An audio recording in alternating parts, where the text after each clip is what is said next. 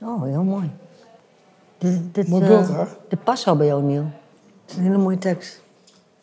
Het is bevrijdingsdag. En zoals altijd hangt er een serene sfeer op buitenplaats Doornburg. Elke kleur staat voor iets, denk ik. In de gangen van het klooster loopt een jong gezin. Vader Niel draagt een rood t-shirt met daarover een spijkerjas met afgeknipte mouwen. Er zit overal wel een vrouw achter, zeg maar. Ja, Zijn brede donkere armen staan vol tattoos, net als in zijn gezicht. Ik hoor hele mooie muziek. Hier was je lekker rustig van. Zo goed voor ons. Moeder Johanneke heeft stijl donker haar, grote indringende ogen en ze draagt een sportieve zwarte jurk boven een witte broek en sneakers. Wat is dat al? Kun je lezen? Van ja, zout en tennis met golven. Zo, je zou dat maar zo a- aantreffen. Dat is wel apart, hè? Achter hen lopen hun twee kinderen. Een meisje van 18 en een jongen van 10, die beide foto's maken van de kunstwerken met hun mobiel. Ja, dat is net, net uit een blad. Echt? Ja, leuk. Oh, leuk. En dan staan ze stil voor een doek met veel blauw, roze, paars en goud, waarop teksten en tafereelen te zien zijn uit het verhaal van Exodus. Kijk, hier, dit gaat, moest kijken over verschillende dingen. Hè. Dit gaat Irak, zie je dat? Als ik hier naar kijk, ja, dit valt me gelijk eigenlijk op. Dit eigenlijk, ja, als je dan... eh, Neil wijst naar een verbeelding van Mozes die de zee opent. eigenlijk past het perfect op bij mijn leven. Waar ik, ik zit nou eindelijk weer op de, de goede eh, energie, zeg maar. Ja, en daar, daar geloof ik wel in dat de sterke energieën sterker zijn dan die negatieve.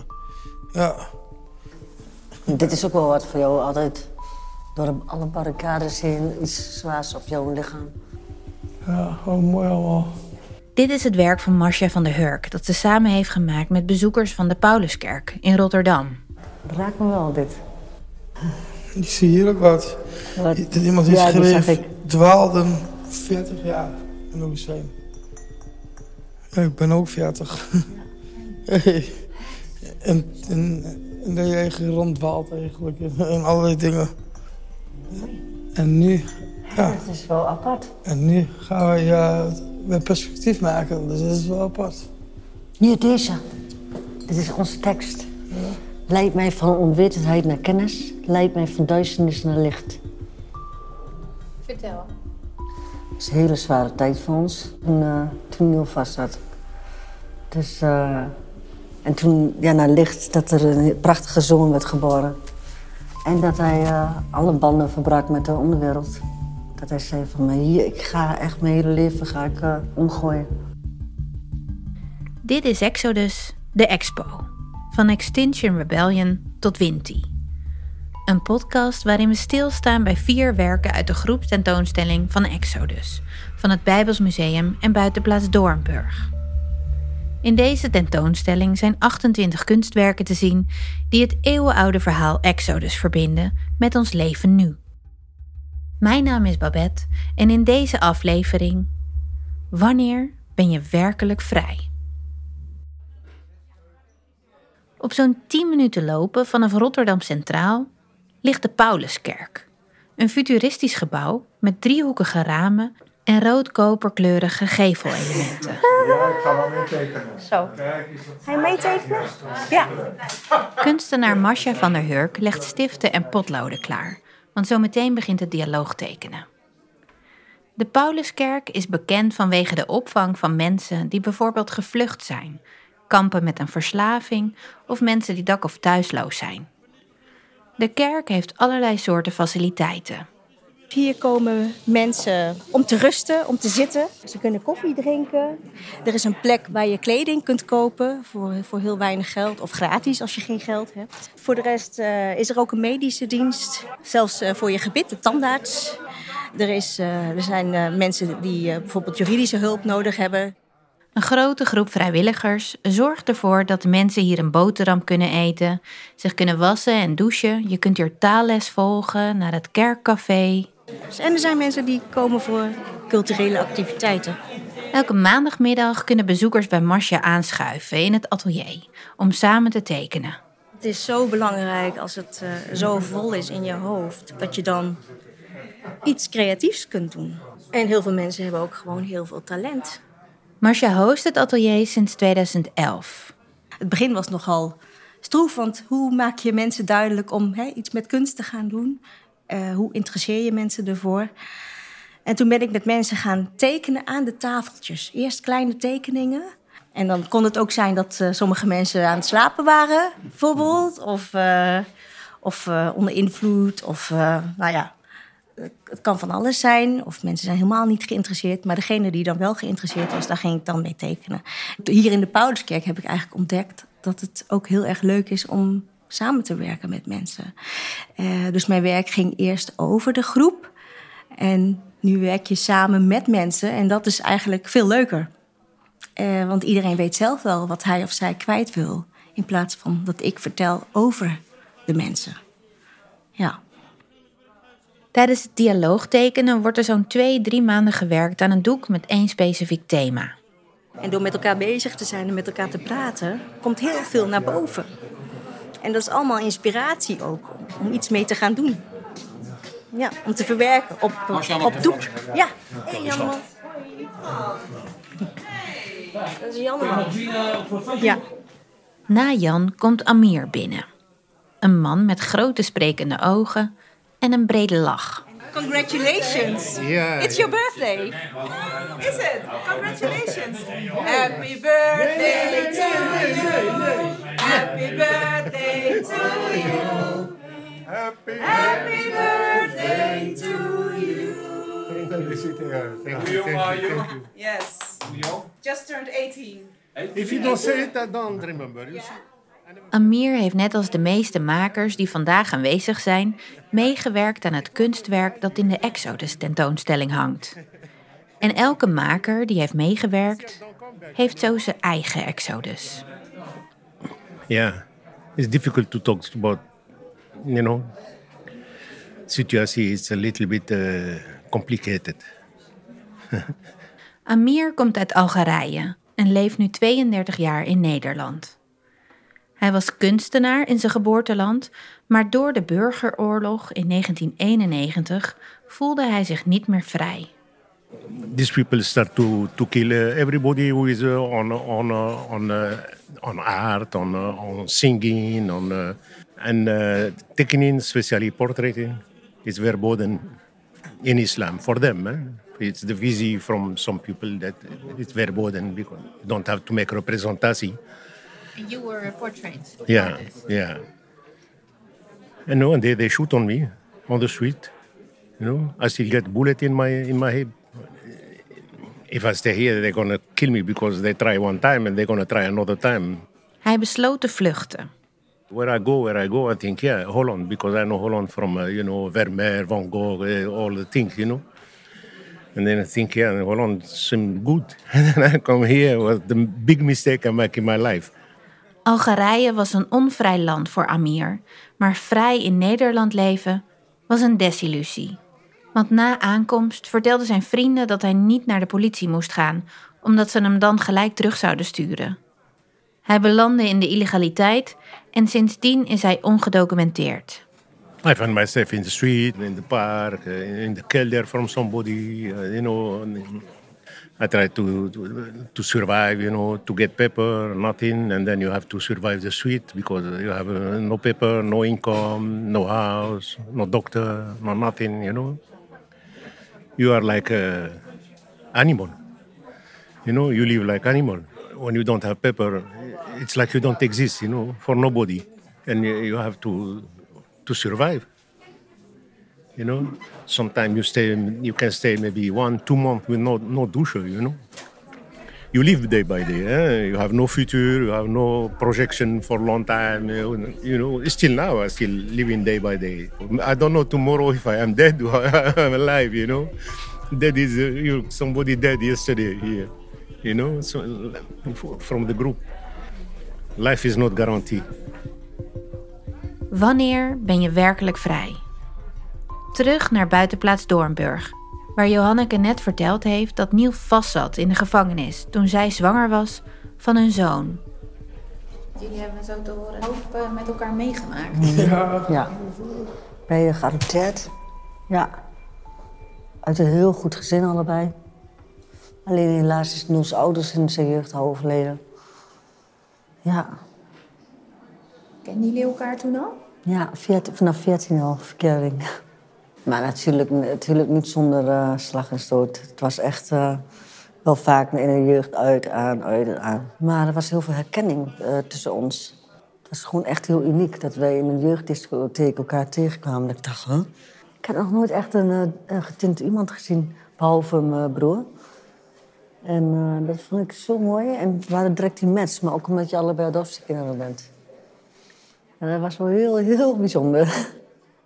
Terwijl Johanneke met de kinderen de rest van de tentoonstelling bekijkt, begint Niel te vertellen over een aantal schakelmomenten in zijn leven. Ja, mijn leven was uh, ja, niet heel erg makkelijk eigenlijk. En het begon eigenlijk al met uh, in mijn jeugd met adoptie. En vooral als je wat ouder wordt, naar je identiteit zoeken, wie ben je nu? En dan heb je je hele lieve Nederlandse ouders, Annie en Henk. Maar als je in de spiegel kijkt, ben je bruin. En toen kreeg ze beide kanker in mijn jeugd, allebei. Eerst eh, mijn moeder ja, rond mijn puberteit en een aantal jaren later mijn vader. Dus toen was ik weer weer ja, nu kan ik praten. Maar ik was toen altijd heel gesloten. Ja, en het kwam er bij mij op een andere manier uit, de verdriet eigenlijk. Ja. Ruzie maken, uitdagen. En ik was wel zo eentje van, ik uh, sloeg er gelijk op los. En als ze dan ook nog met het kabelbord uh, gingen schelden, ja, dan was ik echt een stier eigenlijk. Daardoor kwam ik dus ook in aanraking met justitie vanuit daar eigenlijk weer de, de criminaliteit in. Ja. Ik denk dat ik ben opgepakt al vanaf uh, 14, 15. Ik begon eigenlijk met uh, straatvechten. Maar op een gegeven moment heb je toch, uh, als ik terugkijk, vaderfiguren die om je heen gaan staan. En op dat moment ben je jong. Je ziet niet eigenlijk de verborgen agenda's. En, en, eigenlijk word je op een gegeven moment misschien wel voor het karretje gespannen. Neil begon zijn geld te verdienen met wapen- en drugshandel. En keer op keer belandde hij in de cel, waardoor hij zijn criminele netwerk alleen maar uitbouwde. Hij wist heus wel dat hij hiermee moest stoppen, maar hoe? Ja, ik was al bijna 15 jaar was ik bezig aan het nadenken van hoe kom ik uit dit circuit? Aan de ene kant is het mijn familie, maar aan de andere kant, uh, doordat ik vaak vast heb gezeten, had ik invallen in mijn huis. En door die inval, die laatste inval, ja, dat was voor ons zo heftig. De politie was bezig met een grondig onderzoek. Zenden ze meteen en uh, uh, zenden ze mijn auto gehad. Toen ze genoeg bewijs hadden verzameld, hebben ze midden in de nacht een inval gedaan. Mijn vrouw was thuis, die was zwanger. Mijn dochter was nog heel jong. En die, ja, die zijn ook onder schot gehouden door het arrestatieteam. Die hebben daar ook echt PTSS van. En toen ben ik in een, uh, ja, in een geblindeerde auto gegooid. Dat hoorde ik later allemaal van de buren, want die hebben alles gezien. De straat was afgezet en toen ben ik uh, naar het huis van bewaring uh, gebracht. En mijn vrouw is zelfs ook nog uh, gearresteerd. Onbewust heb ik mijn vrouw toch ja, erin meegetrokken, omdat zij toch de, de rechterhand van mij was. Zo dacht de justitie dat. Dus daar heb ik ook heel veel spijt van. Ik kreeg geen moment te horen, want ik zat in algehele beperking. Dat mijn dochter uit huis was geplaatst. Ja, toen was ik echt mezelf kwijt. Ja, dan voel je je zo kwaad, verdrietig, waardeloos, schaamte, ja, noem alles maar op. En ik weet nog heel goed dat een, een man, ook een beruchte man uit de gevangenis, die klopte op, de, op het luikje. Maar ik had al drie maanden of zo ben niet geschoren. Want ik schaamde me. Ik was eigenlijk onder de dekens verstopt. Want ik, ja, ik was een beetje bijna aan het bezwijken van zoveel schaamte van mijn gezin. En ik had het echt verknald. En die man zei, mag ik een kaarsje aansteken voor jou, voor jou of jouw gezin of iets in die geest? En toen keek ik onder de dekens vandaan van, hé, hey, er bestaat nog iemand die aan me denkt. Ja, toen ging ik echt bidden, want ik heb nog nooit ge gebeden eigenlijk. En ja, toen kreeg ik zoveel kracht in één keer. Ik denk, het is uh, bezwijken of vechten. En uh, ik ga nou echt knokken van... ja, ik wil een stabiele vader worden vanuit de gevangenis. Dus toen ben ik ja, uit bed gesprongen en ging me scheren weer. En heel bijzonder is dat de bewakers mij in één keer begonnen ja, contact te leggen met mij op een andere manier. Ja, bijvoorbeeld dat er ruzie was op de afdeling... en dat de bewaker met een rood hoofd op mijn kamer klopte op de cel van... Hey wil je meelopen? Ik denk, ja, waarom moet ik met jou meelopen? Ja, zegt hij, we hebben met die en die is uh, trambeland... en we zijn bang dat er straks gestoken wordt of wat dan ook. En, dus ik loop erin en ja, ik kreeg binnen een paar minuten rustig... omdat ja, het heeft met hiërarchie te maken. Dat is eigenlijk uh, ja, een bepaalde status wat je hebt opgebouwd. Mijn achtergrond waar ik in bewoog in het circuit... ja, dat gaat gewoon door in de gevangenis dan, ja. Ja, de tweede keer was eigenlijk dat een bewaker bij me op de cel kwam van... Niel, ik dacht, wat is er nou weer, weet je wel? Ja, uh, wil je met me meelopen? Want uh, dat is een, jonge gast, eigenlijk net 19, 18. En hij was helemaal uh, des duivels. Hij sloeg alles in elkaar. Hij uh, zichzelf helemaal onder het bloed. Toen zegt hij, bewaker, wil je met hem praten? Ja, dus ik op mijn slippers naar de cel in. Er stond wel twaalf man de gang. Verpleging tot aan een speciaal team. Want ze wouden hem eigenlijk eruit trekken voor gevaar voor de omgeving en hemzelf naar de ISO. En toen ben ik in de cel gestapt. En hij was ook heel agressief. Maar op een gegeven moment gaf ik hem een knuffel. En hij, hij, hij, begon te huilen. En alle professionals keken van, hè, we zitten maanden met hem. We weten niet wat we met hem aan moeten. En jij krijgt hem binnen vijf minuten rustig. En zo langzaamaan ontdekt Neil dat hij een positieve impact kan hebben op andermans leven. Ik wil hier wat meer met al mijn pijn, al mijn trauma's die ik heb omgebogen, positief. Ik denk van, er was eigenlijk niemand vroeger die mij dan begreep. Nou wil ik eigenlijk iemand zijn die, ja, die wel de mensen begreep. Ik zag heel veel gaten in de hulpverlening eigenlijk. Ja, en ik denk, ik ga, ik ga een bedrijf opzetten in uh, zorg. Die positieve invloed die Neil heeft op anderen, daar zorgen de makers van de Pauluskerk ook voor als ze bezig zijn met het dialoog tekenen. Want nu zitten ze in het atelier te werken, maar soms werken ze ook beneden. Ja, ja dat beneden, dat is ook wel een dingetje. Dit is Esther, een blonde vrouw met een bril en een voorzichtige, maar hele vriendelijke lach. Maar dat viel mij, ja, ik loop dus eigenlijk stage voor de opleiding uh, Howie de Harp als uh, ervaringswerker. En ik heb beneden gemerkt dat het werken aan een dialoogtekening maakt de sfeer heel gemoedelijk en heel um, rustgevend. En er zijn hier nogal eens uh, opstootjes en onrust of ge regelmatig gevechten. En dat gebeurde dus ook niet. En ik had ook het idee dat beneden op het kerkplein de hele sfeer gemoedelijk werd, omdat wij daar bezig waren aan die tekening. Dus ja, dat is wel iets om, over, om, voor om te herhalen, denk ik. Ja. Ik had ook foto's gemaakt en als ik die foto's terugzie, dan ja, denk ik alleen maar, wat was het toch leuk met elkaar. Ja, dus... Uh, Esthertje, ja. je staat helemaal als wie koffie, ja, lukt dat? Ja, maar moet nou even wachten. Maar straks? Ja, is goed hoor. En terwijl Esther koffie voor Jan zet, vertelt Marcia dat het tekenen niet enkel gaat om de gezelligheid. Dus het is niet alleen dat we hier uh, leuke dingetjes doen. Het gaat ook echt veel verder dan dat. Ik, ik stuur ook aan op een. Het moet ook iets worden. Het moet iets zeggen. Het moet een smoel krijgen. En dat is heel herkenbaar voor Marco. Dan ben ik meestal degene waarvan ze tegen zegt: uh, kleur jij dit uh, vakje even in? Of kan je hier even een paar dingetjes dit zetten of een paar dingetjes dat? En dat vindt hij helemaal prima. Hij heeft geen grote ambities in de kunst. Ik ben hier de activiteiten ingerold. En gewoon om een beetje bezig te blijven en een beetje onder de mensen te zijn. Ik ben hier vijf jaar geleden als bezoeker gekomen voor het eerst. En dan uh, dakloos en dan zit je in de opvang. En is een plek om uh, ja, tegen de regen en de kou en, uh, te plassen. En, een tussenstop overdag, dat je niet de hele dag in die opvang zit, want dan draai je door. En ja, beetje bij beetje groei je erin. Er zei laatst nog iemand, je hoort bij het meubilair, dus bij de inventaris. Maar voor de meeste activiteiten heeft Marco op dit moment geen tijd. Want er zijn een hoop nieuwe ontwikkelingen in zijn leven. Ik heb sinds kort een woning. Dus daar kom ik mijn tijd wel mee door. De, de vloer legt erin. Ik ben de plint aan het zetten. Nou ja, de slaapkamer, daar heb ik uh, twee stukjes uh, karton voor het raam geplakt. Want de gordijnen die, die hangen nog niet. nou ja, wel een wasmachine en een, en een magnetron. En één stoel. En zo ja, langzaam verder. Dat begin is er en nou de rest nog. Dat Marco nu een woning heeft, betekent niet dat hij enkel zijn blik op de toekomst heeft. Ook al willen zijn hulpverleners dat liever wel. Je hebt nu een woning en laten we ophouden over het verleden en we gaan verder met de toekomst. Uh, maar dat blijft toch terugkomen. Vijf, zes, zeven jaar dakloos. Dat gaat je niet in de koude kleren zitten natuurlijk. Dat laat toch ze tekenen na. Het verleden, dat blijft. Hoe dan ook. En dat merkt Neil ook.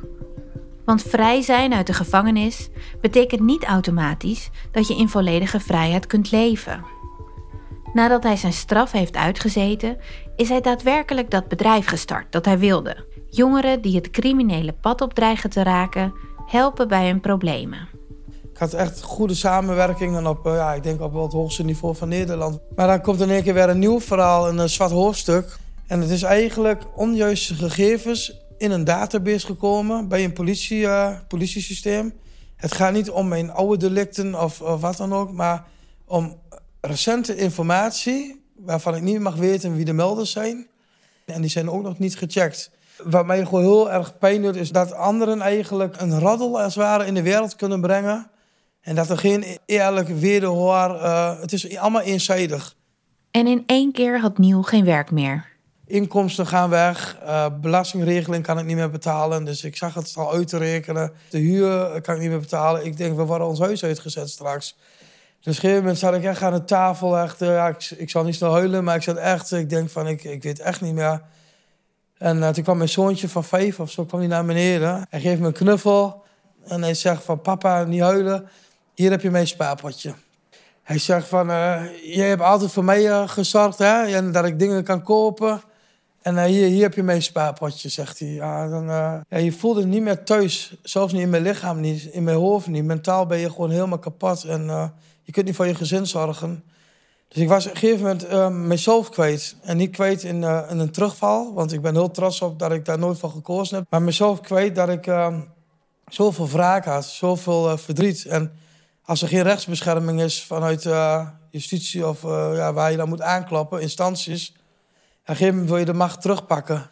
Ja, ja, ik zeg eerlijk, ik ben echt een krijger. En ik zal mezelf nooit wat aandoen. Maar ik heb wel eens van die gedachten gehad van ik rijd tegen een boom aan of was ik maar dood, want ik kan die pijn niet meer dragen elke dag. Nou, toen, uh, ja, toen, ja, toen was ik echt bang dat ik eigenlijk vragen ging nemen. Eigenlijk. Dat was ook de angst van mijn gezin. Van ja, nou gaat papa misschien wel 16 jaar de gevangenis in... of hij bezweekt aan zijn gezondheid. Zo erg gaat stress met je doen. Maar opnieuw krabbelt Nieuw op. Hij haalt kracht uit zijn geloof... en hij ziet ook dat er professionals uit het jongerenwerk zijn... die hem niet laten vallen. Al die jaren eigenlijk, uh, dat ik eigenlijk zo zwaar had, heb ik toch uh, geprobeerd uh, zaadjes te zaaien en proberen weer terug te komen. Vrijwillig ja, ga ik me nou gewoon meer inzetten, ook al moet ik weer onderaan beginnen. En ja, mijn, mijn droom is gewoon weer keihard voor de, de, de, maatschappij klaarstaan. En zo is Niel een paar dagen later in het Gelderdoom bij Vitesse te vinden, waar hij een groep jongeren een weerbaarheidstraining geeft in de vorm van een kickboxles. In de twee uur hiervoor heeft Niels zijn levensverhaal verteld aan de jongeren. Het is goed aangeslagen bij de jongeren. Ze zijn helemaal onder de indruk. Ja, fijn. Ja, dat is leuk. De jongens waar Niels zijn verhaal aan verteld heeft, doen mee aan Vitesse United. Een programma waarin jongeren tussen de 14 en 27 elke week samen trainen, workshops volgen en zich inzetten voor hun wijk. Kijk, wij we zitten heel erg natuurlijk in familiaire sferen. Dus we weten al best wel snel wat er aan de hand is thuis. Omdat je met, ja, je komt elke week hier. En ze hebben het heel erg naar hun zin. Dus ja, je, ze vertellen, ze worden steeds opener. Maar bij Nieuw merk je dat ze uh, op emotioneel vlak wat opener worden. Dus ze durven ook te zeggen wat ze uh, in, in, in het verleden hebben meegemaakt. Wat hun echt dwars zit. Want al deze jongeren hebben allemaal hun eigen uitdagingen. Van problemen thuis tot groepsdruk. Dingen die Neil maar al te goed herkent. Ik ben nu bezig groot te worden, goed op school zijn en uh, me gedragen en niet verkeerde dingen gaan doen. En misschien ben ik wel een paar keer gaan, de verkeerde kant in gegaan. Daar heb ik ook spijt van, maar ook wel teruggekomen. Ja, soms lijkt het allemaal wel mooi in films en zo, die criminaliteit. Maar als je zo verhalen hoort, is het eigenlijk niet zo mooi als dat het lijkt. En dan is de dag ten einde zal wel scherp blijven. Maar bedankt voor jullie uh, inzet en respect. Dus uh, bedankt. Applaus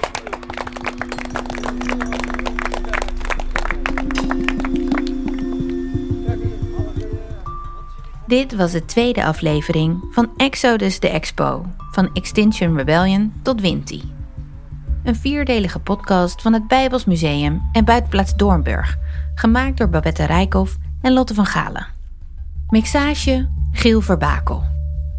De groepsentoonstelling Exodus is tot en met 24 september 2023 te zien op Buitenplaats Doornburg in Maarsen. Kijk op exodus.nu voor meer informatie.